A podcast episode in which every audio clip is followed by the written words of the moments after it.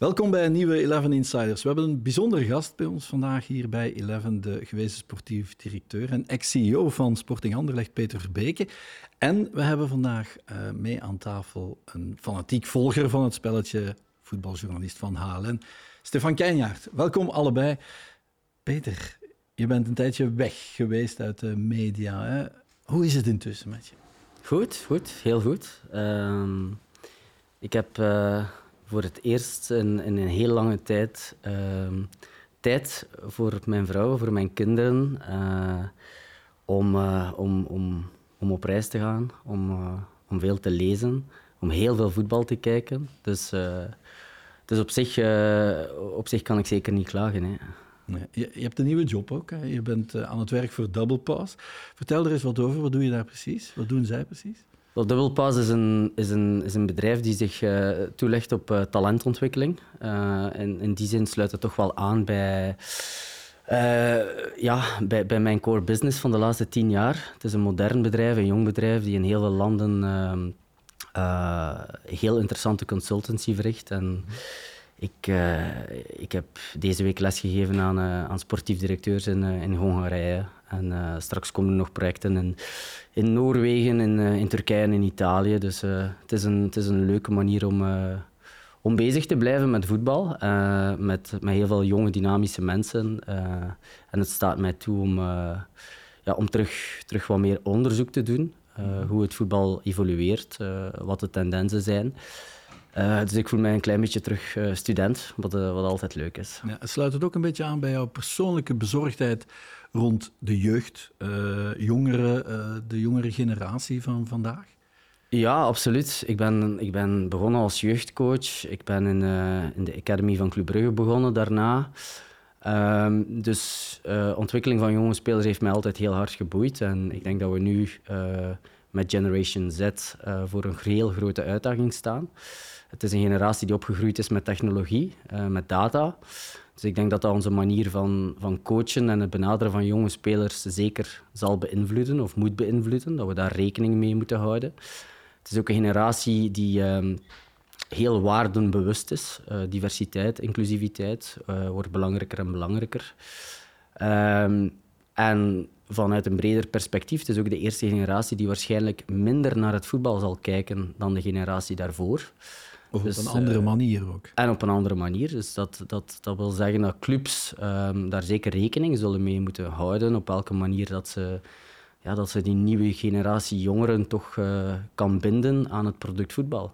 Dus uh, ik denk dat er heel veel uitdagingen zijn en een, en, en, een project of een bedrijf als Dubbelpass probeert daar ja, de vinger aan de pols te houden. En in, in, in dat opzicht is het heel interessant om, uh, om daarmee bezig te zijn. Zie jij, Stefan, dat er al genoeg clubs zijn die zich daar bewust van zijn met de toekomst en op welke manier de jongeren in het voetbal staan? Uh, wordt daar een beetje, we zijn allebei een beetje van dezelfde generatie, hè? Uh, mm-hmm. rond de 50, Peter. Dus hij is eigenlijk de, de eerste in het Belgisch voetbal die mij als journalist uh, wakker maakte of, of wees op, op, op een nieuwe tendens in het, uh, in het internationale voetbal. Uh, ik ben ook altijd een van die journalisten geweest die, die wat meewarig deed over data. En over digitalisering en social media. Maar hoe meer dat je met mensen zoals, zoals Peter praatte, hoe meer dat je overtuigd raakte van dat is inderdaad de richting die, die, die het voetbal, voetbal uitgaat. Dus ik denk dat, dat, dat Peter een van de mensen is die binnen het voetbal als eerste doorhad van uh, we moeten opletten uh, dat we de jeugd, dat we de, de, de, supporters van de komende jaren, de toeschouwers van de komende jaren, dat we die op een andere manier bereiken. Mm -hmm. Dus uh, wat dat betreft is, is Peter Verbeke iemand die op de eerste rij zit om, om ons daar wegwijs in, in te maken. Maar dus we moeten luisteren naar hem. Ja, er is nog veel werk. hoe is het met je eigen gezondheid intussen, Peter? Goed. Ziet er goed uit, moet ik zeggen. Dank u, dank u, dank u. Nee, goed, goed. Uh, het, was, uh, het, was, het was een moeilijke twee maanden, vooral november, december. Hè. Ja, hoe ziek ben jij geweest? Eigenlijk? Goh, ik had een, een, een, een virale infectie. Uh, geen griep, geen covid, maar, maar iets gelijkaardigs. Geen burn-out ook, voor alle duidelijkheid. Nee. Nee, geen, burn-out. Maar goed, ehm, ik, ik vond het altijd wel eh, een beetje bizar dat, eh, dat, dat, dat er mensen zeiden: eh, het zal een burn-out zijn. Hè? Al- Alsof een burn-out iets, iets Banaals banaals, iets niet ernstigs is. En ik moet zeggen, ik heb heel veel mensen in mijn omgeving die effectief een burn-out hebben of gehad hebben. En dat, dat, zijn, ja, dat zijn periodes van zes maanden of langer, waar dat mensen echt volledig oud zijn. Ik denk dat het eh, ook dat een epidemie, eh, of een epidemie sorry, van onze tijd is en dat we daar veel meer rekening mee moeten houden dat, eh, ja, dat, dat mensen in die, dit soort situaties kunnen terechtkomen. Dus ik had het geluk dat het bij mij, bij mij niet zo was. Ik denk wel dat de stress en het, de vermoeidheid, dat dat alles in zijn rol zal gespeeld hebben eh, in, in mijn ziekteproces. Dat die virale infectie mij misschien harder geraakt heeft dan, dan iemand die op dat moment Dat je er vatbaar voor was in die periode. dat denk, ik, dat denk ik persoonlijk wel. Ehm, maar het, is, eh, het was een klein beetje zoals eh, iemand die, die COVID heeft, hè, die volledig onderuit gehaald wordt door die COVID. Zo ben ik volledig onderuit gehaald geweest door een, een, een andere eh, virale infectie. En de dokter hadden mij gezegd, ja, rusten, wandelen. Eh, en, en tussen de twee en de drie maanden moet dat goed komen. En dat is ook goed gekomen, dus eh, voilà. Maar de symptomen eh, zijn we misschien wel vergelijkbaar met een zware COVID, zware vermoeidheid. of- Ik, had, ik, had ik, ik had eigenlijk, ik was al een paar keer bij onze kinesist op Anderlecht geweest uh, voor uh, ik uitgevallen was, omdat ik heel veel pijn had aan mijn, uh, aan mijn rug, aan mijn schouders. Um, en ja, achteraf is dan ook gebleken dat ik eigenlijk al een tijdje met hoge koorts rondliep ook. Uh, Merk je dat niet dan? Uh, ja, ik merk dat wel. Ik, ik, ik dacht, uh, ik, ik, ik was bij de dokter, bij de kines geweest, maar ja, als je in het voetbal zit, we hadden wedstrijd, dan die week dat ik uitgevallen ben, hadden we drie wedstrijden, denk ik. Dus je leeft je, gewoon. Je gaat maar door. Ja. ja, het is bij veel mensen zo, maar in, in het voetbal is het zeker zo. Je probeert altijd maar door te doen en te denken, het komt wel goed. Maar als we, als we terugkwamen van Londen, van onze wedstrijd West Ham, was het, uh, was het echt niet meer, uh, niet meer te harden. En uh, ja, goed, dan, dan, dan heb ik het, het dwingende advies gekregen om rust te nemen. En twee maanden later, begin januari, was, was het al veel beter. Ja. Je zegt, ik heb eigenlijk mijn tijd goed kunnen gebruiken tijdens de, in die periode dat je herstellende was met je gezin. Ja. Uiteindelijk zijn dat dingen waar je in, in de normale periode heel weinig tijd voor hebt. Ja, ik zit nu meer dan tien jaar in voetbal en, en ik, uh, uh, er zijn weinig vakanties of, of zo goed als geen vakanties, want de vakantieperiodes vallen vaak samen met, of altijd samen met transferperiodes. Mm -hmm. En uh, weekends zijn ook al moeilijk. Hè. Je probeert naar de laatste training te gaan. Uh, dan heb je de wedstrijd. Dan heb je natuurlijk nog een aantal andere wedstrijden die je wil zien uh, vanuit scoutingsoogpunt.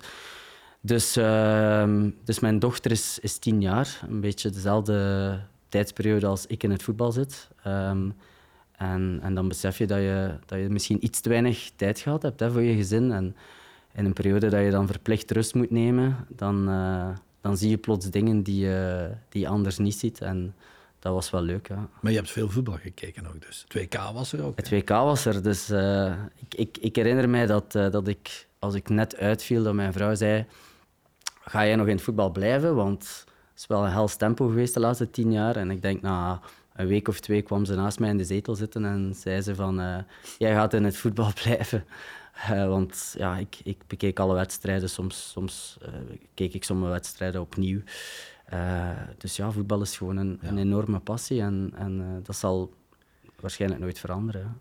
Het beestje zit in ons, hè, in ons alle drie. Goed. Je bent 40 geworden, maar spoelen we eens 30 jaar terug. De opgroeiende Peter Verbeke, manneke van 10 jaar. Hoe, met wat was die bezig? Waar droomde die van? Goh, ik ben nooit echt een grote dromer geweest, omdat ik heel realistisch ben altijd. Ik ben... Uh, ik, uh,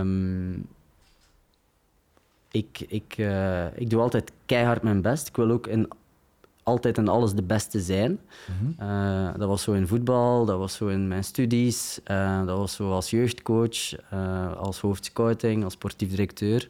Mm -hmm. het is nooit goed genoeg. Dat is niet gezond. Nee, waarschijnlijk Want niet. Waarschijnlijk lukt dat niet in alles. Hè. We kan niet in alles de beste zijn. Nee, maar die ambitie heb ik, heb ik altijd wel gehad. De en dat, altijd hoog. Ja, en dat was, dat was niet zozeer uh, uh, vanuit de bedoeling om beter te zijn dan de anderen, maar gewoon om het maximaal uit mijn eigen capaciteiten te halen en, en te kijken hoe ver ik mijzelf kan pushen om, om iets te bereiken. Maar waar dus, zag je jezelf als je uh, jong opgroeide? Als ik tien jaar was, wou ik, wou ik profvoetballer worden. Hè. Ik, was, ik was geen, geen slechte jeugdspeler. Uh, maar, maar goed, op een bepaalde leeftijd zie je dan ook van... Kijk, um, ik denk dat ik 17, 18 was, dat ik dacht van... Uh, ik, ik haal het niet op het, op het hoogste niveau. Ja, voilà. Um, en dan schakel je. En in mijn geval was dat enerzijds rechtenstudies mm beginnen en anderzijds jeugdcoach worden. En dan, uh, dan was de ambitie om, uh, om goede punten te hebben en, en om de beste jeugdcoach van België te worden. Uh, ja, het is altijd op die manier gedacht. Ja. Je bent dan ook, behalve je hebt rechtenstudies gedaan in Gent, je bent dan gezondheidsrecht gaan, gaan studeren in, in Londen. Ja. die periode, in welke mate heeft die invloed gehad op jou in je persoonsontwikkeling ook? In, in hoe je geëvolueerd bent? Heel, heel veel. Ik, uh, mijn periode in Londen is, uh, is nog altijd een van de, van de leukste, interessantste periodes in mijn leven geweest. En ik denk dat ik, denk dat ik het advies zou geven aan elke jonge mens, uh, als hij kan een jaar of twee jaar in het buitenland gaan wonen of studeren, dat, dat ze dat zeker moeten doen. Dat verrijkt je. Je komt, je komt zeker in Londen met heel veel culturen in, in aanraking. Ik heb daar ook uh, jeugdtraining gegeven, dus dan kom je uh, met heel veel culturen, heel veel diversiteit in aanraking. Ah, je hebt ook in Londen uh, ja, jeugdtraining geweest. Uh, dus, uh, dus dat was een hele leuke periode. Ik ging naar Londen voor enerzijds voor het voetbal, maar anderzijds ook voor de muziek en natuurlijk voor mijn studies. Uh, dus, dus ja, voor mij was dat een, een topperiode. Ja. ja. In Deinze ben je dan een hele tijd jeugdcoach geweest. Hè? Ja. Um, ja, we weten wat het is. Je hebt uh, een jonge, opgroeiende, voetballende zoon. Ik heb er ook zo eentje uh, gehad die nu al wel volwassen is. Maar we weten ook hoe louterend het kan zijn, hoeveel voldoening het kan geven om met jonge gasten te werken, hè? jonge voetballers. Ik, ik, uh, ik, ik ben heel graag trainer geweest. Ik geef ook uh, heel graag les. Vandaar de, de, het dubbelpas-initiatief sluit ook goed aan bij mij. Mm -hmm. ik, ik, ik, krijg heel veel energie om mensen iets bij te brengen uh, als, ik dat, als ik dat al kan. En ja, jeugdtrainer zijn is gewoon fantastisch, omdat je, ja, je, je, haalt er vooral heel veel energie uit. Omdat je het gevoel hebt dat je, dat je jonge spelertjes iets kan bijbrengen. En uh, ja, dat was, dat was voor mij nog altijd een van de mooiste periodes uit, uit mijn leven. Ja. ja en tien jaar geleden kreeg je dan telefoon van Vincent Manhart. Dat zal indruk gemaakt hebben, plots gebeld worden door Vincent Manhart. Jij kan je er iets bij voorstellen, denk ik, Stefan? Vincent kan, kan redelijk uh, dominant zijn. Hè, en, uh, en, en het zou wel intimiderend geweest zijn. Uh, Hoe ging dat? Het eerste telefoontje was niet, niet van Vincent, maar ik herinner mij dan wel. Ik werd dan uitgenodigd op het, op het kasteel hè, van, van Bart, ja, waar ik een één-op-één gesprek had met Vincent. En uh, ja, ik probeerde opnieuw heel goed voorbereid te zijn, hè, want ik wist, uh, ik wist wat het, uh, de bedoeling was. De bedoeling was om het, het scoutingsdepartement volledig te hervormen. Dus ik had, ik had weinig ervaring. In die zin, ik, ik was wel jeugdtrainer en ik wist mhm. heel, of ik wist toch wel wat over jeugdvoetbal, maar ja, scouting bij Club Brugge, dat was toch nog een ander niveau. Dus... Ja, hoe komt Club Brugge dan bij Peter Verbeke terecht? Dat moet toch ergens een ik denk, dat, uh, ik denk dat Club Brugge op zoek was naar mensen. Uh, Bart en Vincent waren nog niet zo heel lang uh, begonnen. Um, een jaar, anderhalf jaar denk ik. En ik denk dat Bart en Vincent op zoek waren naar mensen die mee de club konden hervormen, herstructureren. Mm -hmm. Ik had een academische achtergrond. Ik had, ik had rechten gestudeerd. Ik, was, ik had mij ook gespecialiseerd in sportrecht. En anderzijds was ik jeugdcoach. Hele grote passie voor voetbal. Um, en ik denk op die manier... Uh, op die manier... wel een beetje de markt afgespeurd van dat wie denk... zou even... Ja. Dat denk ik wel, hè. Dat denk ik wel. En ja, de vraag was, uh, heb je zin om deel uit te maken van het project van Club Brugge en om, om de club mee te helpen herstructureren tot een, een modern voetbalbedrijf die klaar is voor de toekomst. En mm -hmm. Het was een moeilijke keuze, enerzijds omdat, uh, omdat ik mijn droom om jeugdcoach of, of heel, een hele goede jeugdcoach te worden, ik moest die droom even aan de kant zetten. Hè, want, uh, want dat ging niet meer. Dat was niet te combineren met de, met de job bij club. Uh, maar natuurlijk, een, een, job in het voetbal. Uh, bij een club toen als Club Brugge, die, die, die een heel mooi project voor zich had, was die keuze eigenlijk snel gemaakt. Ja. ja. Waar heb je specifiek je stempel op gedrukt bij club? Bij Club heb ik heel hard gewerkt op, uh, op het hervormen, uh, het moderniseren van de scouting, van de recrutering. Uh, dus wij waren in 2013 echt wel pioniers op het vlak van datascouting. Maar ik ben vaak weggezet geweest in die hoek van datascouting, terwijl, um, zoals Victor Orta vaak zegt, it's, it's 70-30. 70% is nog altijd subjectieve scouting. Hè, wat, wat ziet het oog? Maar ik vind wel die 30, 40 procent datascouting is heel belangrijk, omdat die data zijn aanwezig, die, uh, die geven jou heel veel informatie. Uh, die maken het ook makkelijker om uh, heel de wereld in kaart te brengen. dus wij zijn daar heel hard gaan op inzetten bij Club Brugge. En ik denk dat wij in die periode ook heel veel ja, goede transfers gedaan hebben. niet alleen vanuit data, want we hadden daar ook een aantal laat ons zeggen, oldschool scouts. Hè. Raymond Mommens, Kenneth Brille, Peter van Wambeke. zijn uh, mensen met een heel goed oog uh, mm-hmm. voor voetbal.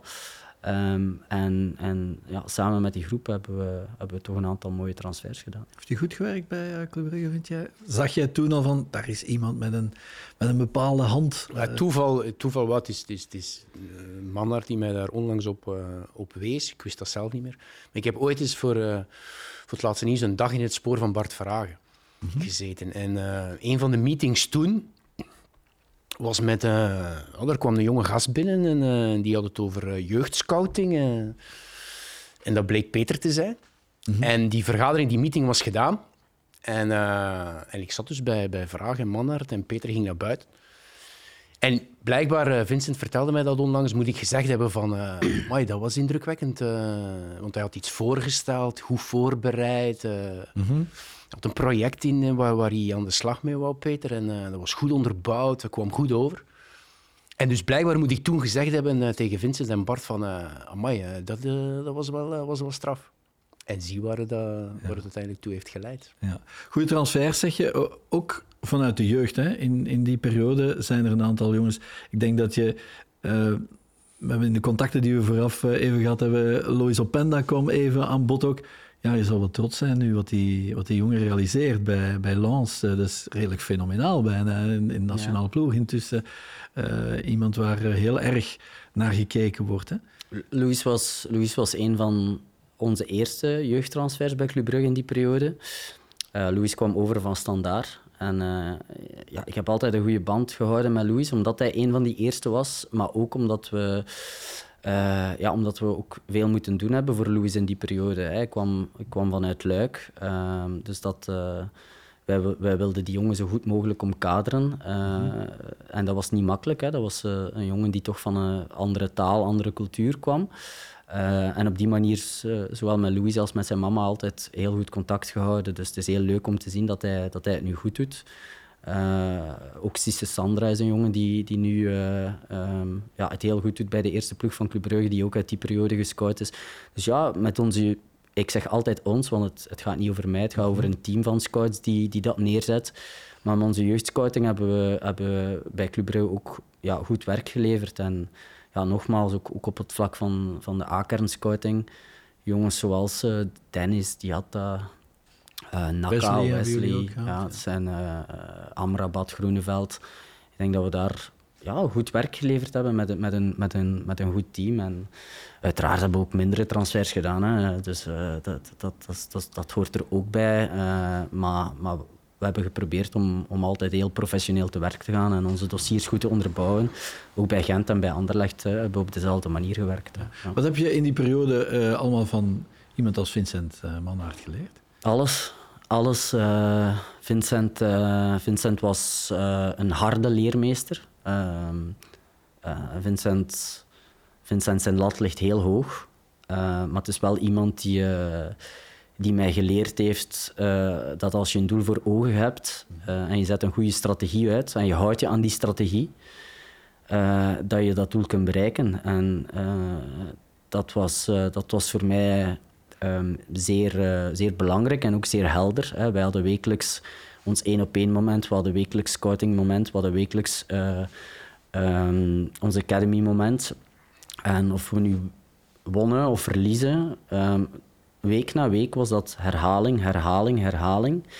Uh, met een duidelijke agenda, een duidelijke rapportering en, en op die manier altijd een stapje vooruit uh, zetten. En ja, op, die, op, op dat vlak sluit de manier van werken van Vincent Manhart eigenlijk wel een beetje aan bij die van Vincent Company. Hè. Dus, uh, dat, zijn, dat zijn mensen die een, een heel duidelijk doel voor ogen hebben en het proces bewaken.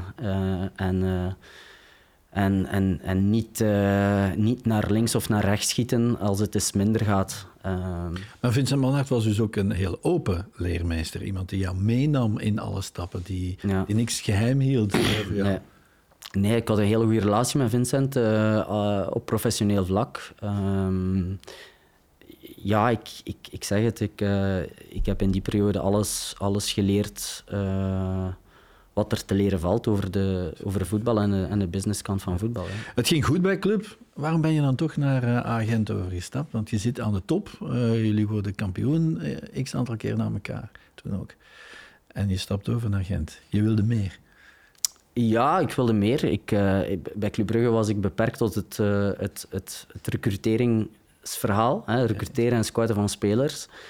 En ik wou, ik wou een volgende stap zetten. Ik wou ook, uh, ik wou ook inspraak uh, in de samenstelling van de staf. Ik wou ook uh, ja, een groot project zoals het hervormen van een academy. Dat sprak mij ook heel erg aan. En Club Brugge was gewoon een, een modern bedrijf waar iedereen op de juiste positie zat. Ja, dat komt moeilijk over Vincent natuurlijk gaan. gaan ja, voilà. dus, dus dat was dat bij Club Brugge had ik het gevoel dat ik een klein beetje op het uh, punt zat van oké, ik kan dit hier nog heel veel jaren doen, maar... maar... Beetje plafond. Je voelde dat je een beetje tegen je plafond zat daar. Ja, inhoudelijk. Ja, ja, ja inhoudelijk, ja. ja. En dan kwam, dan kwam die vraag uh, een beetje uit het niets van... Uh, want we, we, hadden net een tweede titel gepakt met, met Ivan Leko en alles, alles, mm -hmm. alles liep op. Maar dan kwam de vraag van Michel Louagie van kijk wij willen ook moderniseren, wij willen ook stappen vooruit zetten. Uh, Club Brugge is een voorbeeld voor ons. Um, wij willen de academy hervormen, wij mm -hmm. willen nieuwe jonge mensen in onze staf. Wij willen ook heel onze scouting moderniseren. En ja, goed, uh, dat was dan het project voor mij om te zeggen: oké, okay, dit, dit, is waar ik mijzelf toch. Uh, toch opnieuw kan pushen naar een volgend niveau. Ja, jij kent het Gentse huishouden ook. Ja, maar Ik, vind, ik vind, nu ook, terwijl dat, dat Peter het zit te vertellen, denk ik erover na. Ik vind dat wel een lastige, omdat... Ik weet niet, had je nooit het gevoel van dit is toch wel een stap achteruit? Oké, okay, je gaat, je kunt, je kunt je ambitie om, om een stap te zetten waarmaken en meer inspraak in, in, in, in het sportieve. Maar je merkte toch ook dat Club Brugge bezig was aan een, aan een boek te schrijven dat, dat naar Belgische normen geweldig was. En ik vind dat wel een lastige. Oké, je zegt je kunt, niet, je kunt niet over Manhart springen, maar je kunt wel naast hem of zo schuin achter hem gaan staan bij de club in België. Qua evolutie. Op dat moment zeker. Op dat moment zeker. En dan ga je naar, naar, naar Agent ja, zelfs terwijl je het nu aan het vertellen bent, heb ik het gevoel van... Ja, is dat niet wat een stap achteruit dan?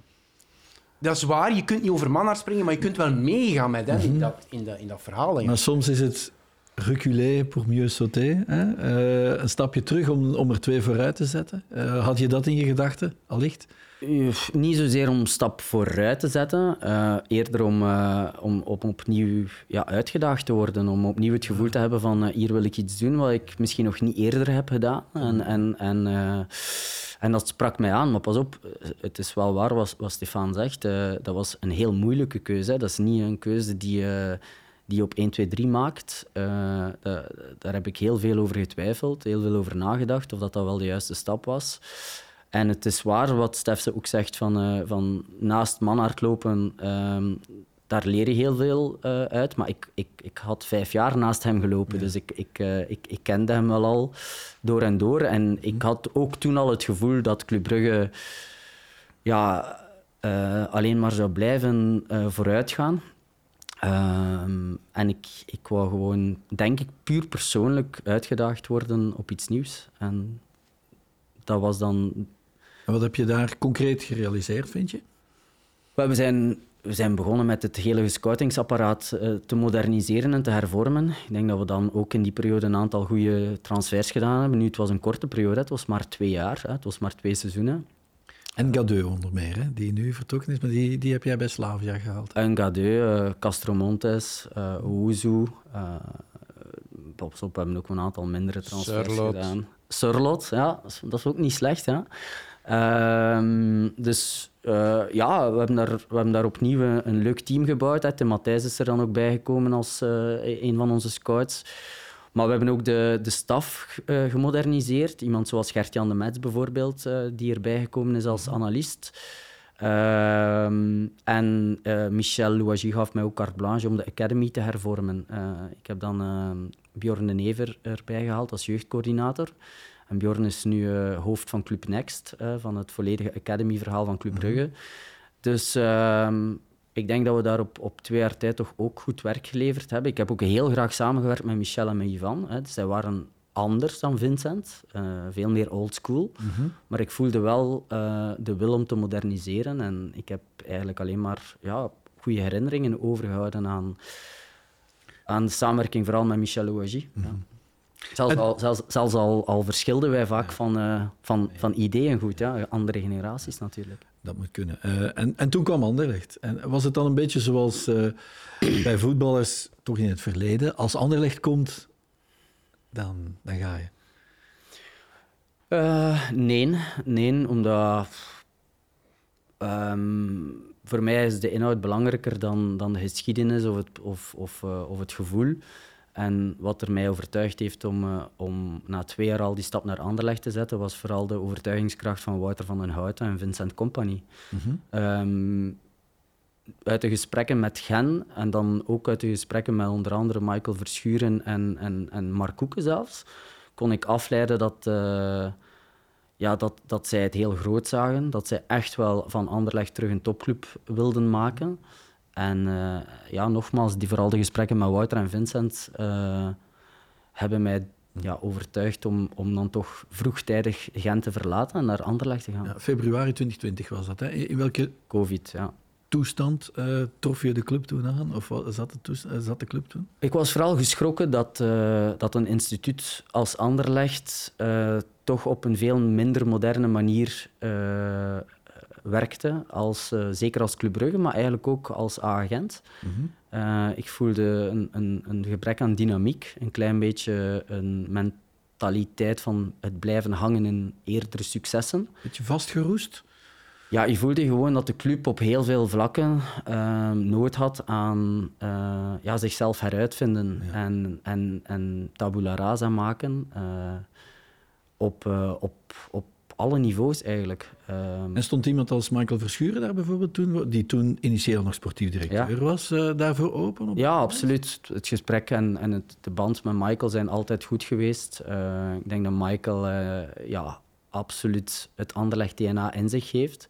Maar tegelijkertijd ook door zijn werkzaamheden bijvoorbeeld bij European Club Association wel weet -hmm. welke richting het voetbal uitgaat. Dus die band met Michael is altijd, altijd goed geweest. Um, en uh, ja, goed, er zijn dan een aantal beslissingen genomen waardoor Michael een minder operationele rol kreeg en, uh, en nu alleen nog uh, in de raad van bestuur zit. Maar ehm, het was wel van in het begin duidelijk dat wij een, een, een groep mensen hadden bij Anderlecht die vooruit wilden en die komaf wou maken met dat een beetje vastgerust verleden. Ja. En die het beste voor hadden. Absoluut, ja. Want dat is hetgene wat mij misschien het meeste geraakt heeft aan de, aan de afgelopen, uh, afgelopen periode. Um, de kritiek op, uh, op mensen zoals Wouter uh, of Mark. Um, omdat, omdat ik gewoon weet dat zij het heel goed menen met de club. En, en dat, dat zij ook wel... Um, en ik zeg niet dat er geen fouten gemaakt zijn, ook, ook door mij trouwens. Maar ik weet wel dat iedereen in die club het heel goed voor heeft. En dat daar dat daar absoluut de juiste mensen in de club aanwezig zijn om Anderlecht terug naar een, een hoger niveau te brengen. In uh, de zomer van 2020 zit je dan met die situatie, compagnie, uh, blessuregevoelig, uh, Frank Verkouteren, uh, samen, je voelde dat kon, dat kon niet blijven werken. Dat was moeilijk. En als Vincent... Ik vind gewoon heel dat... je mag mij niet kwalijk nemen, Peter, maar heel dat verhaal van Anderlecht, ik kan daar nog altijd niet bij waarom dat, waarom dat, dat niet gelukt is. Je zit met een eigenaar die geld wil geven. Je had met Wouter van den Houten, een supporter, die bewezen heeft in zijn carrière dat hij een goede ondernemer is, dat hij bedrijven kan leiden, dat hij, dat hij mensen kan sturen. Dat hij de hele media kent. Dat hij de hele media kent. Je zat met Vincent Company. Ja, ik ben daar al, als speler was ik daar al zot van. Ik vind dat onwaarschijnlijke potentie, charisma, kwaliteit, communicatie, alles wat je wil. Je zat met Peter, met een jonge, ambitieuze voetbalman die voetbal ademt, die intelligent is, vernie- vernieuwend. die vernieuwend is, die dus past in dat, in dat modernisme waar anderen... Dus ik begrijp nog altijd niet waarom de, al die mensen samen niet erin geslaagd zijn om, om die kar vooruit te trekken. Neem daar dan ook nog Michael bij, die inderdaad, zoals Peter zegt, die link met het, met, met, met het, Europe, met het Europese En het. DNA in zich. En het DNA met papa. En, en, en zijn papa wil bewijzen dat hij dat ook kan. Ik begrijp nog altijd niet waarom al die mensen samen uiteindelijk niet ingeslaagd zijn. Ja, om dat, om, om dat vehikel vooruit te, vooruit te krijgen. Het is moeilijk om echt de vinger op te leggen. Ja, waarschijnlijk hebben we veel te weinig tijd om dat allemaal Ja, uit te leggen. Maar het is zo jammer. Maar ik snap dat, ik, ik snap wat Stef zegt, maar ik ben ook niet helemaal akkoord. Ik bedoel, ehm, toen, toen die periode van, van de Houten Verbeke Company begonnen is, daarvoor was Anderlecht achtste en zesde geëindigd, ehm, met veel grotere budgetten dan waar wij mee gewerkt hebben. En wij zijn erin geslaagd om derdes en vierdes te eindigen en de bekerfinale te spelen. Ja. Ehm, dus ik vind wel dat er een positieve evolutie bezig was op Anderlecht. En uiteraard eh, is die positieve evolutie overschaduwd door het, eh, het, het, het mindere seizoen die Anderlecht nu heeft.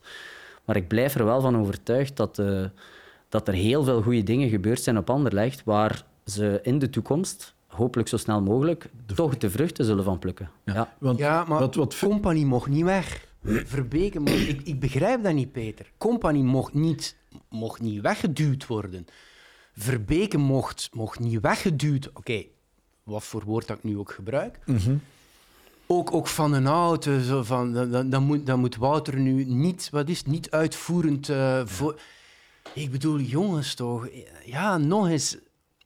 Het is doodjammer dat al die mensen er niet in geslaagd zijn om samen op één lijn te zitten. ja. Jullie hebben samen in die periode misschien wel de club gemoderniseerd en geherstructureerd op veel vlakken. Want dat is iets wat veel mensen, buitenstaanders eigenlijk, niet weten wat er allemaal gebeurd is. Eh, vertel daar eens wat over. Ehm, Ja, op sportief vlak hebben we, eh, vooral dan samen met, met Vincent, ehm, heel, veel, eh, ja, heel veel veranderd. Een volledige medische cel eh, hervormd. We hebben een hele nieuwe fysieke lijn uitgeschreven onder leiding van, eh, van Damon Roden, die toen van de Premier League kwam. Ehm, er zijn veel mensen bijgekomen. We hebben Josephine eh, Knipschild, data-analyste vanuit Ajax, gerecruiteerd. Robin Veldman is erbij gekomen om het U23-verhaal eh, vorm te geven. Ehm, we hebben samengewerkt met, eh met set pieces coaches uit Denemarken. Eh, dus ik bedoel, wij hebben heel het, heel het sportieve departement eh, volgens de principes van, van, van Vincent en van mijzelf ja, geherstructureerd. In die zin dat we ingezet hebben op modernisatie, op innovatie, op het gebruik van data en technologie.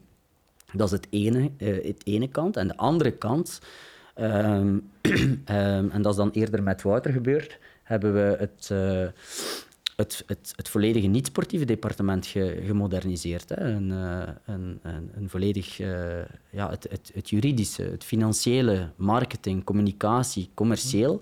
Daar zitten nu heel veel jonge mensen op Anderlecht, heel veel jonge, dynamische mensen met heel veel potentieel, die, die, die, er, die er nu dagelijks voor zorgen dat die club ja, de, de, de toekomst tegemoet kan. En eh, dat wordt inderdaad niet gezien hè, eh, door, door vele media, omdat iedereen is gefocust op de wedstrijd en iedereen leeft van weekend naar weekend, van wedstrijd naar wedstrijd.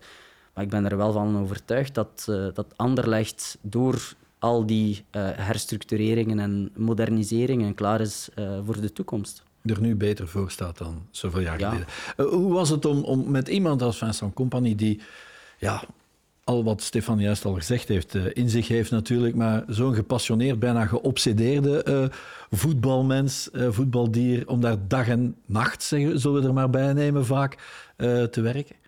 Twee jaar. Er zijn twee mensen die, die voor mij ehm, heel bepalend geweest zijn in mijn manier van denken, van werken in het voetbal. En dat is, dat is Vincent Manhart en Vincent Company. Dus uh, om, om vijf jaar met, met Manhart te kunnen samenwerken en om, om twee, drie jaar, zoiets, tweeënhalf jaar met Vincent uh, Company te kunnen samenwerken, is, is, is, is fantastisch geweest. Heel veel uit geleerd. En ik zeg het, er zijn veel gelijkenissen. Hè. Het trust the process. Uh, waar veel supporters vaak kritiek op hadden. Maar ik, ik geloof echt dat als je een heel duidelijke strategie hebt en je blijft die strategie herhalen en je laat je niet afleiden door winst of verlies, hè. don't believe the hype, don't believe the drama, zoals, zoals Compagnie vaak zei, dat je op die manier resultaat kunt boeken. En vooral um, ook heel belangrijk, jezelf afsluiten van, van de buitenwereld. je omringen door goede mensen en vooral vertrouwen op die mensen dat zijn zaken die ik van, van hem geleerd heb. En ik was daar zeker nog niet even bedreven in als compagnie zelf. Uh, ik denk dat Vincent dat heel zijn leven gedaan heeft, als speler ook.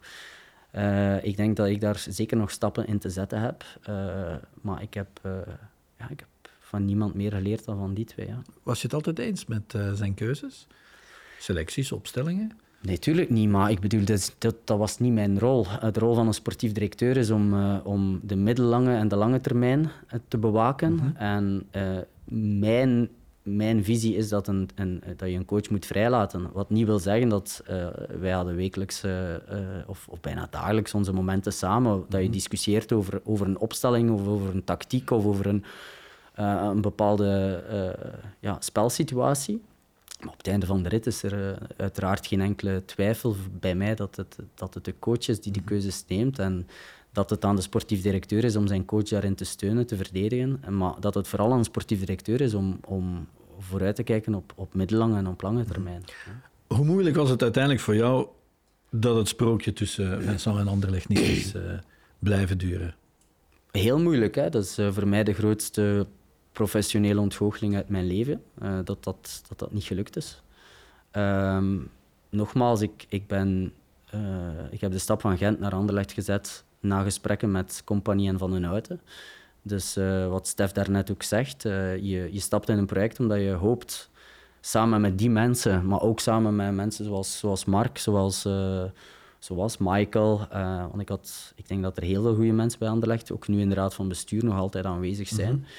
Um, en je, je hoopt natuurlijk dat dat project slaagt. En uh, ja, op het moment dat je dan uh, tot de conclusie komt dat dat project uh, niet slaagt, of toch niet op die manier als je het in je hoofd hebt, dan, dan is dat een grote ontgoocheling. Had iemand die breuk nog kunnen voorkomen, de elfde uren?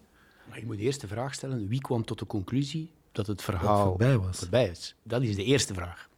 Ja, dat is waar. Maar goed, daar is zoveel over geschreven geweest. Uh, ik heb daar ook heel veel zaken gelezen die, die totaal niet, uh, niet klopten. Um, en het... het, het uh, ja, laat ons zeggen, het, het, is een, het is voorbij. Ik bedoel, ik, ik, het is hier niet de plaats. En, en zeker, ik ben niet de persoon om nu nog eens heel die analyse te maken. Alleen, ehm, Wouter heeft daar heel veel... ja, shit over hem gekregen. Ehm, en ik begrijp dat, maar het was, uh, ook niet alleen Wouter zijn verantwoordelijkheid. Ik pak daar ook mijn verantwoordelijkheid in. Mm -hmm. wij zijn er gewoon allemaal niet in geslaagd om, uh, om, om die volgende stap te zetten. En uh, nu alles op de schouders van Wouter leggen vind ik ook niet correct. ik was CEO op dat moment, dus mm -hmm. ik ik voel mijzelf daar ook verantwoordelijk voor. Ja, hij doet het geweldig met Burnley en dat verrast niemand van ons. Uh, allicht volgend jaar uh, zonder ongelukken in de Premier League. Ook nog een leerproces, maar toch, uh, zijn opgang is niet eens opmerkelijk, hè, moeten we zeggen. Nee, je moet mij niet overtuigen van compagnie. Ik bedoel, elke persconferentie, om een beetje adepte woord te gebruiken, ging ik aan zijn lippen. Mm. Alles wat hij vertelde vond ik interessant. Mm-hmm. Vond ik anders dan welke andere coach ook mm-hmm. vertelde. Het voetbal dat hij bracht was ook, was ook ja, andere soort voetbal dan we allemaal gewend waren. De benadering, hoe hij, hoe hij voetbal zag. zijn, zijn, zijn, zijn charisma. Dat vond ik, ja, dat vind ik nog altijd. eh, Ik zit daar al hele uitzendingen te kijken op die poster daar van Kobe Bryant. En hij doet mij, ja, hij doet mij, wat, doet mij wat denken aan hem. Charisma, zelfde winnaarsmentaliteit. Niet afwijken van je, van je lijn. Wat, ik begrijp dat Peter zegt dat, dat Manhart en compagnie, dat zijn twee mensen die niet afwijken van hun lijn, wat er ook gebeurt. We gaan voortspoelen. Felice Mazou, klopt het dat niet jouw eerste keuze meteen was?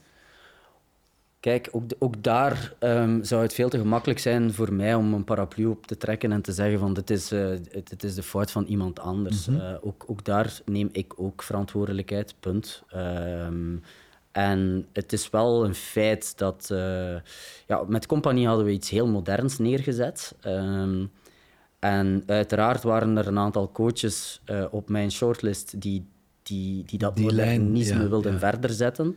Maar het, eh, het, het, het, het, eh, of de keuze voor Felice ehm, is zeker ook een keuze die, eh, die, die ergens begrijpelijk was. Hè. Felice was iemand die, die, die meer op gevoel, op intuïtie, op, op warmte, op people management zou inzetten.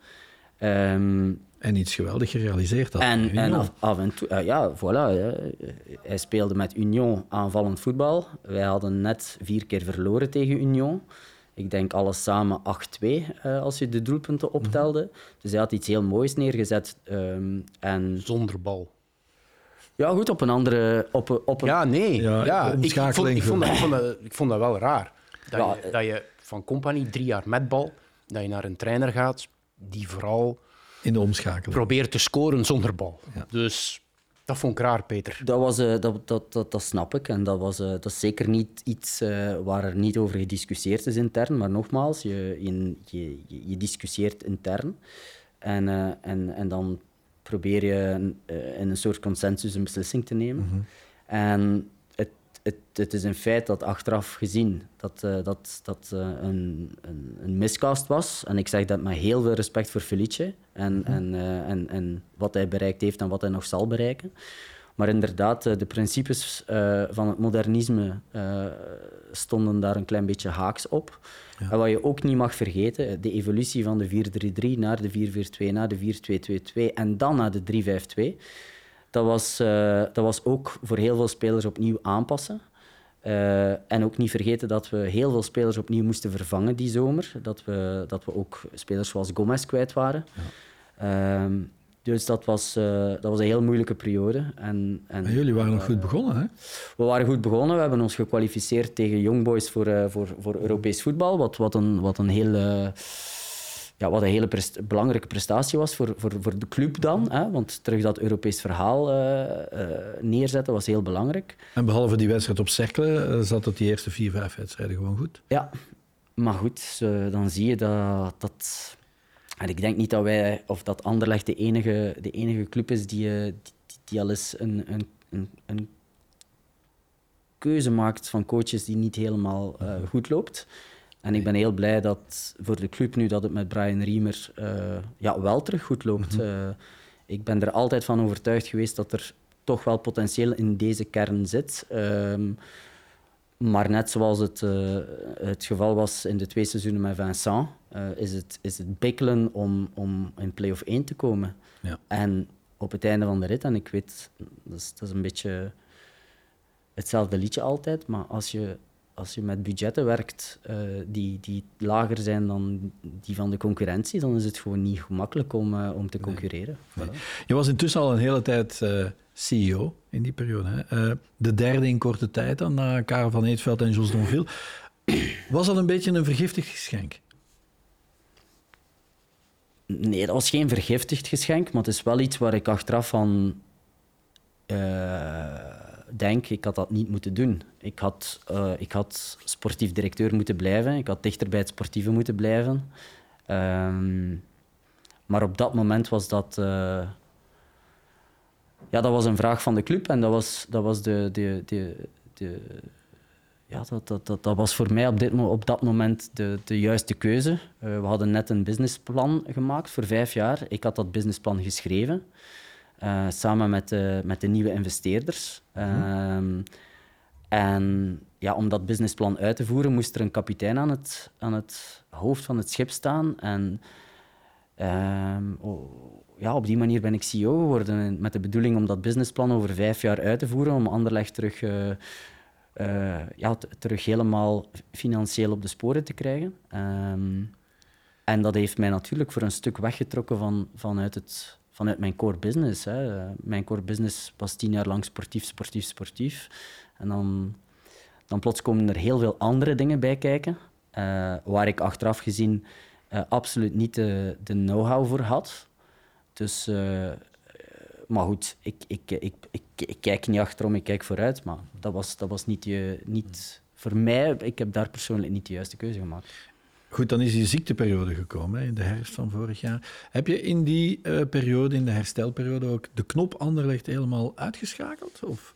Nee. nee. Nee, dat gaat niet. Ik, ik, had nog altijd heel veel contact met Wouter. Ik had heel veel contact ook met Jesper Fredberg uh, in die periode. Um, ik, uh, ja, Anderlecht speelde, uh, goed, voor het WK dan nog. Anderlecht speelde ook nog wedstrijden.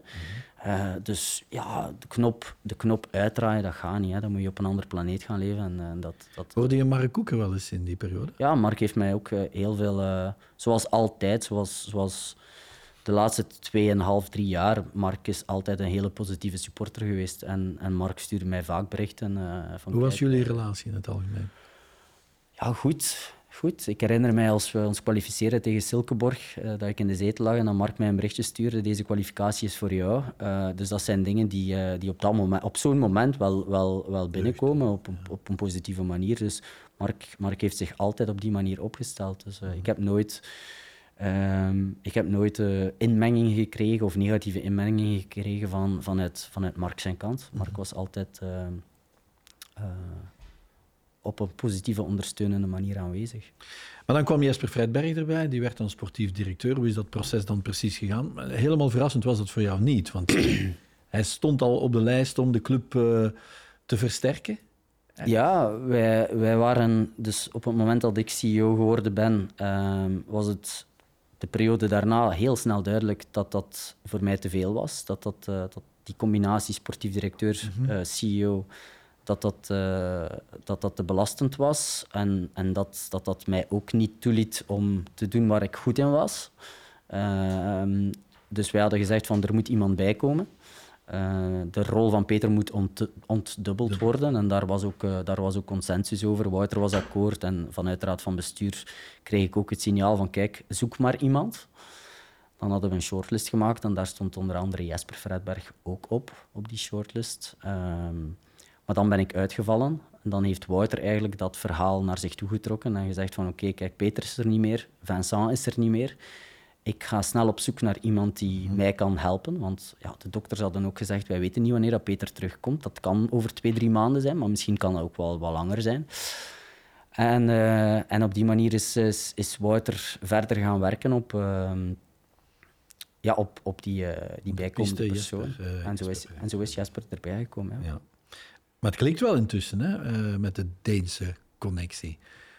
Brian Riemer, ik bedoel, ik heb hem eens voor de band spreken. Ik was toen al aangenaam onder de indruk. Jij hebt ook gezegd, dat is iemand, daar word je instant blij van, want die man is zo positief. Ja, ik vind wel, Peter, we hebben met z'n allen meewarig gedaan over de, weet je nog, de bewuste brief van Company. Of de bewuste, dat hij zo'n meer, meerjarenplan uh, uitgetekend had. En over vier jaar moeten we kunnen meedoen voor, uh, voor de titel. Dat, dat was voor ik er was, hè? Dat was voor jij er was, ja. En, uh, en dus we zijn nu, wat is het, vier jaar later. En nu, nu zie ik dat iedereen op de banken staat, omdat Anderlecht van plaats 11 naar plaats 8 is gegaan. Van 12 naar 8. Maar... Van 12 naar 8 is gegaan. Peter heeft net geschetst dat de club op die vier jaar gemoderniseerd is. Dat, ze zijn er weliswaar nog niet, maar goed, ze zijn uh, vanuit de middeleeuwen gegaan, zoals dan Mark Koeken zei. Fredberg heeft beslist dat die, dat die Verbeke niet meer nodig heeft. De club heeft beslist dat Wouter van den Houten geen uitvoerende macht meer krijgt. Dus ja, dan zeg ik nu tegen Fredberg, zorg dat het lukt. Hè, want uh, ja, als je die verantwoordelijkheid neemt, dan moet je ook wel zorgen mm -hmm.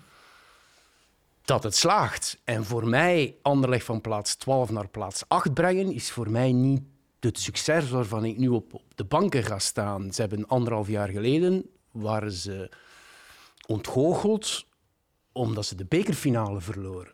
Dus nu gaan we toch niet zeggen dat de Deense connectie uh, nee, maar moet, alles, moet, uh, alles uh, terug ergens, in veilige haven heeft gebracht, omdat ze van plaats 12 naar plaats nee, 8 zijn. Maar je moet ergens beginnen natuurlijk. Ik kan me wel voorstellen dat ze zeggen, oké, okay, we hebben nu vier wedstrijden op rij gewonnen en de nul gehouden.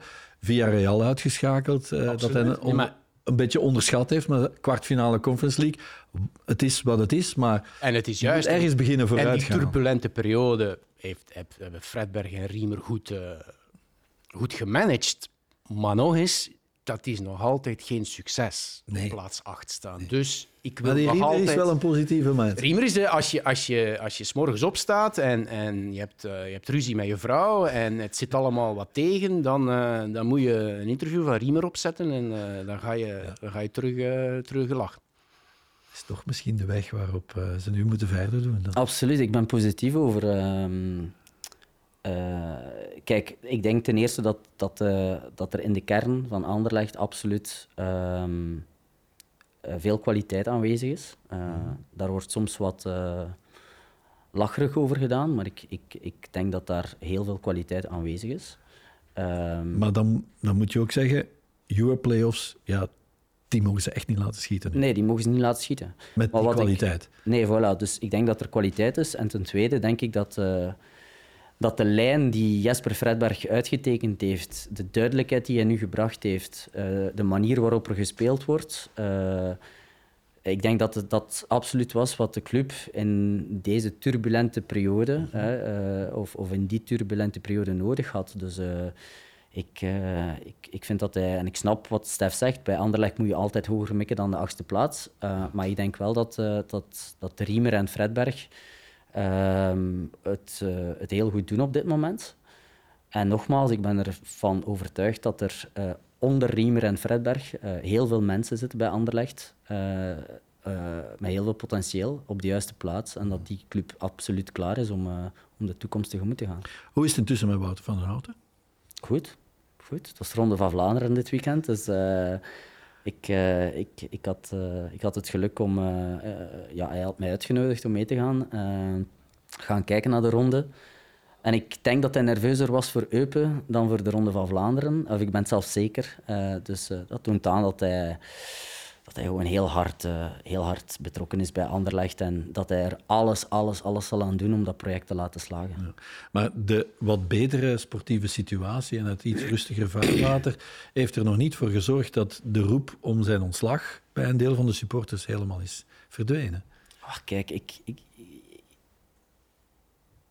ik heb twee jaar lang de roep om het ontslag van Vincent Compagnie op mij gekregen.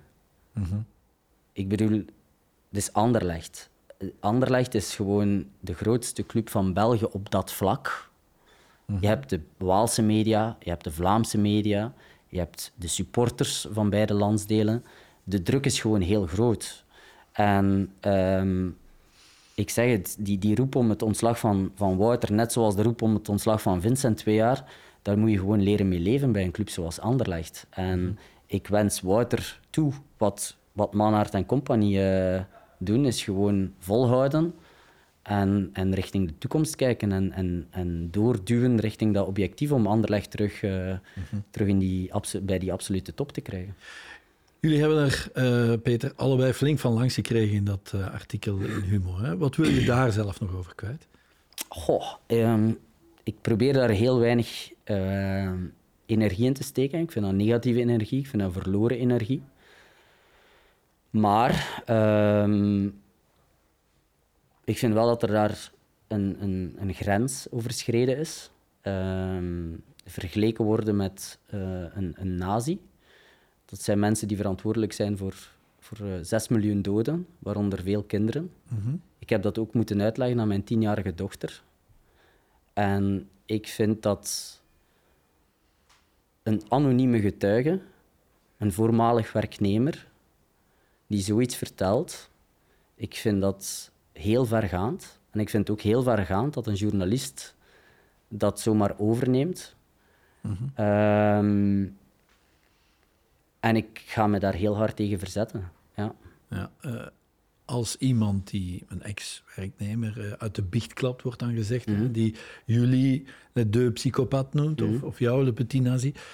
Dat zal inderdaad keihard binnenkomen, maar heb je voor jezelf eh, je afgevraagd hoe het komt dat iemand die perceptie zou kunnen hebben? Wat zou ik ooit hebben gedaan dat iemand dat denkt van mij? Want ik kan me voorstellen, er wordt wel eens geroepen en getierd. Hè? Eh, ik heb het zelf ook in een club meegemaakt, dus dat kan natuurlijk. Maar dat iemand dat op die manier uit zijn context haalt, heb je dat voor jezelf? eh, Ik, ik, ik stel mezelf dagelijks in vraag. Ehm, en ik, ik weet dat ik, dat ik zeker niet alles perfect doe. Maar eh, mensen vernederen, roepen, dat is niet mijn stijl. Ik heb een directe stijl. Ik probeer altijd de dingen te benoemen. Ehm, altijd rechtuit te zijn. Maar nogmaals, ik heb er geen enkel probleem mee dat mensen kritiek uiten op mijn managementstijl of op, eh, of op transfers die we gedaan hebben of, of kritisch zijn. Voor mij geen enkel probleem. Maar iemand nazi noemen, iemand psychopaat noemen, een artikel schrijven waar er heel veel leugens en onwaarheden in staan, eh, dit is voor mij een brug te ver. En ik vind eh, dat ook journalisten ehm, ten eerste waarheidsgetrouw moeten berichten. Ik denk dat dat ook in de code van de journalisten staat. Ehm, en anderzijds ehm, ook een bepaalde zorgvuldigheidsplicht hebben. Want iemand nazi noemen, dat is iets die blijft plakken. Als ik een professioneel gesprek heb in de toekomst, dan moet ik mij verantwoorden waarom een voormalig werknemer die anoniem wenst te blijven, mij een nazi genoemd heeft. En ik vind dit, eh, ik vind dit echt een brug te ver, ja. En ik, eh, meer wil ik daar eigenlijk niet over zeggen. Want Ben je er wel nog mee bezig?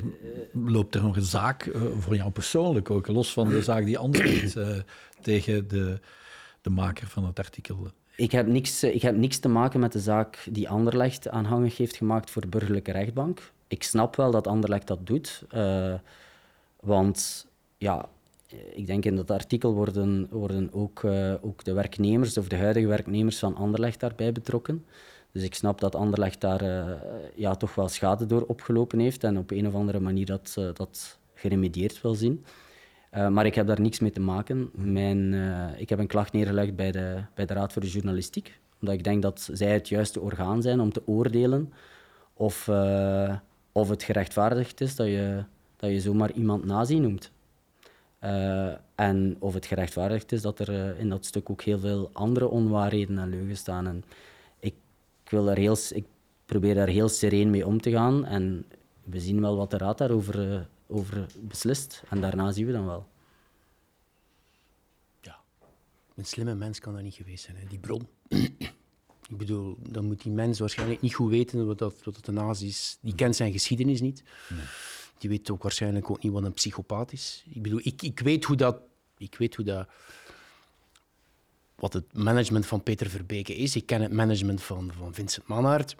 Dat het daar een keer stuift en dat ze vrij confronterend en hard kunnen zijn in, in, in meetings. Zonder twijfel. Uh, en Peter moest voor, moest voor zichzelf uitmaken uh, of, dat, of dat, dat hard, te hard of, of extreem hard is. Mm -hmm. uh, en bij de ene gaat dat harder aankomen dan bij de ander. Daar moet je ook al rekening mee houden. Maar als je vervolgens ja, de geschiedenis kent van, van wat de nazi's hebben gedaan, wat ja. een psychopaat is... Ja, en dat je dat, op, dat, je dat laat optekenen door... Dat je dat... Ja. En dan moet je als journalist inderdaad ook dus ik, ik, volg hem daar, ik volg hem daar helemaal in. Uh... Goed, kan Anderlecht volgend seizoen uh, al de aansluiting terugvinden bij de clubs die nu aan de top staan en die meer middelen allicht hebben? An Anderlecht heeft dat bewezen dat ze dat kunnen. Hè. We zijn met, met Compagnie zijn we derde en vierde geëindigd. Um, uh, daar denk ik dat, dat Anderlecht moet naar streven. Uh, en ik weet dat de supporters veel liever horen dat, dat Anderlecht voor de titel gaat. Maar ik vind dat het, het, zolang de budgettaire situatie is wat ze is, uh, zijnde dat Club Brugge en Antwerp en misschien zelfs Gent en, en Genk meer geld kunnen spenderen dan Anderlecht, dan wordt het gewoon altijd ja, bikkelen tot het, tot het einde. Hè? Want ook niet vergeten, met, met Vinny uh, zijn we ook maar tweemaal op de laatste speeldag uh, gekwalificeerd geraakt voor play-off 1. Dus het was tweemaal nipt. Mm -hmm. Uh, maar het is wel gelukt, dus ik denk dat Anderlecht uh, ja, absoluut terug moet proberen om, om die aansluiting bij play-off 1 te vinden. En volgend jaar met zes terug. Hè? Dus, uh, dat... Voilà, dat is, maar Peter, zo'n Conference League-campagne van Anderlecht nu, brengt dat veel geld op?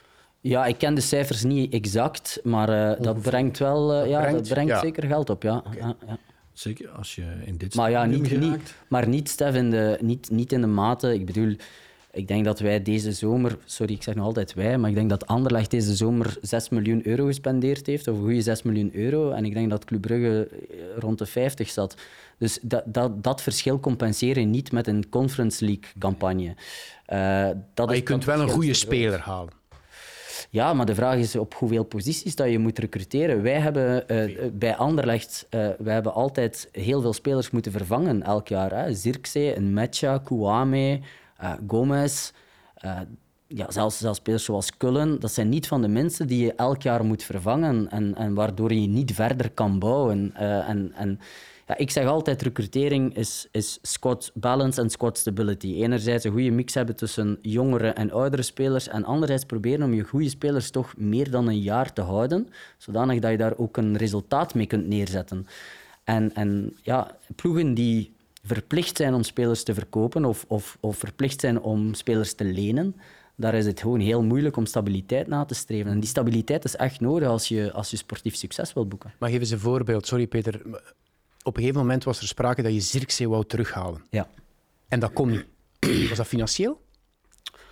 Dat was enerzijds financieel. Dus uh, Anderlecht is nog altijd niet in staat om een speler zoals Zirkzee aan zich te binden? Ja, nee. Oké nee. Maar pas op, dat was niet alleen financieel. Daar speelde ook uh, de, de, de wil van onder andere de makelaars uh, speelde daar ook een rol. Want ik, ik denk dat Josh echt wel open stond om terug te keren naar Anderlecht. Maar goed, het is dan op het einde van de rit vaak een financieel verhaal. En, en dat, was, dat was niet makkelijk. Maar ik ben wel overtuigd, nogmaals, de mensen die nu in de raad van bestuur van Anderlecht aanwezig zijn, als die elkaar kunnen vinden Um, en ik denk dat dat absoluut het geval is. Dan, dan voorspel ik Anderlecht ook op financieel vlak een mooie toekomst. Want daar zit heel veel kapitaal bij elkaar. Mensen met een goede visie. Um, en dan is het gewoon een kwestie van tijd voor, uh, voor, voor Anderlecht terug helemaal financieel klaar is om uh, de strijd met de top aan te gaan. Is het hoofdstuk Anderlecht voor jou persoonlijk helemaal afgesloten? Ja, dat wel. Um, ik bedoel, ja, je zegt nooit nooit, maar ik bedoel, het is afgesloten voor mij. Ja. En terugkijkend op tien jaar bij drie topclubs, wat is jouw absolute hoogtepunt? Absoluut hoogtepunt in het voetbal is altijd um, ja, de emotionele uitbarsting als je iets samen behaald hebt. Mm -hmm. Bij Club Brugge, ja, twee titels. Uh, dat, was, dat was fantastisch. Um, bij Anderlecht uh, heb ik ook heel hard genoten van de twee, tweemaal de kwalificatie voor play-off 1. Of de wedstrijd uh, tegen Young Boys, waar we in de penalties doorgaan. Dat zijn, dat zijn momenten die je, die je niet vergeet. Maar tegelijkertijd zijn dat bij mij altijd momenten geweest waar je na vijf minuten de knop omdraait en zegt: Oké, okay, what's next? Mm -hmm. uh, want het is nooit, als je voor een topclub werkt, is het gewoon nooit goed genoeg. Um, dus heel veel tijd om gelukkig te zijn in het voetbal. Echt van te genieten. En te genieten, heel veel tijd is er niet. Nee. Zie je jezelf nog ooit in, in een belangrijke functie terugkeren in een andere uh, of een topclub in België? Ik, eh, ik weet dat niet. Ik, eh, ik bedoel, ik, uh, ik ben... Zou je het willen? Ja, ik zou dat wel willen, ja. Um, maar ik, uh, mijn, mijn interesses zijn, zijn, zijn, zijn redelijk ruim. Dus ik bedoel... Um, als, dat, als er een mooi project passeert, dan, dan zal ik dat heel leuk vinden. Maar als dat, uh, als dat niet het geval zou zijn, dan doe ik wel iets anders. Wat zou je het liefst doen? Stel, je mag kiezen de komende jaren. waar, waar, wil jij je, uh, je tijd in stoppen de komende jaren? Um, in een lange termijn project. Um, in een stabiel project met een heel goede visie. Um, waar ik een belangrijke sportieve rol kan spelen uh, op, op middellange en lange termijn. Ja, we zijn begonnen met terugspoelen, 30 jaar. Laten we eens 10 jaar vooruit spoelen, dan ben jij 50, wij zijn er al voorbij. Oh, oh, oh, oh. Jij bent er nog niet voorbij? Peter, sorry. alsjeblieft. Ik al even. Uh, sorry. nog twee ah, jaar. Oké. Okay. Uh, spoel is tien jaar vooruit. Waar, zie, uh, waar zit Peter Verbeke dan? Totaal geen idee. Totaal, totaal geen idee. En ik heb, ik heb ook... Ik zeg het, ik ben geen dromer. Ik, uh, ik, ik heb eigenlijk ook geen grote ambities. Uh, ik denk mijn grootste ambitie is, is meer aanwezig te zijn voor, voor onze zoon vooral. Ehm, meer tijd te besteden aan onze dochter. En, en meer tijd te hebben voor mijn vrouw. Dat zijn mijn drie grote ambities. En als ik er een vierde mag aan toevoegen, in combinatie met een hele leuke job in het voetbal. Ja, dan wens ik jou dat toe. We zijn beetje over onze tijd, maar het was uh, zeer interessant. Ik ga je heel hard bedanken, Peter, voor je tijd. Fijn dat je bij ons was. En heel veel succes uh, met wat je ook doet de komende jaren. Uh, of in het voetbal of erbuiten, wat dat ook is. Dankjewel. Stefan, bedankt voor je tijd. En u, kijkers, luisteraars, dank voor uw aandacht. Graag tot een volgende 11 Insiders dag.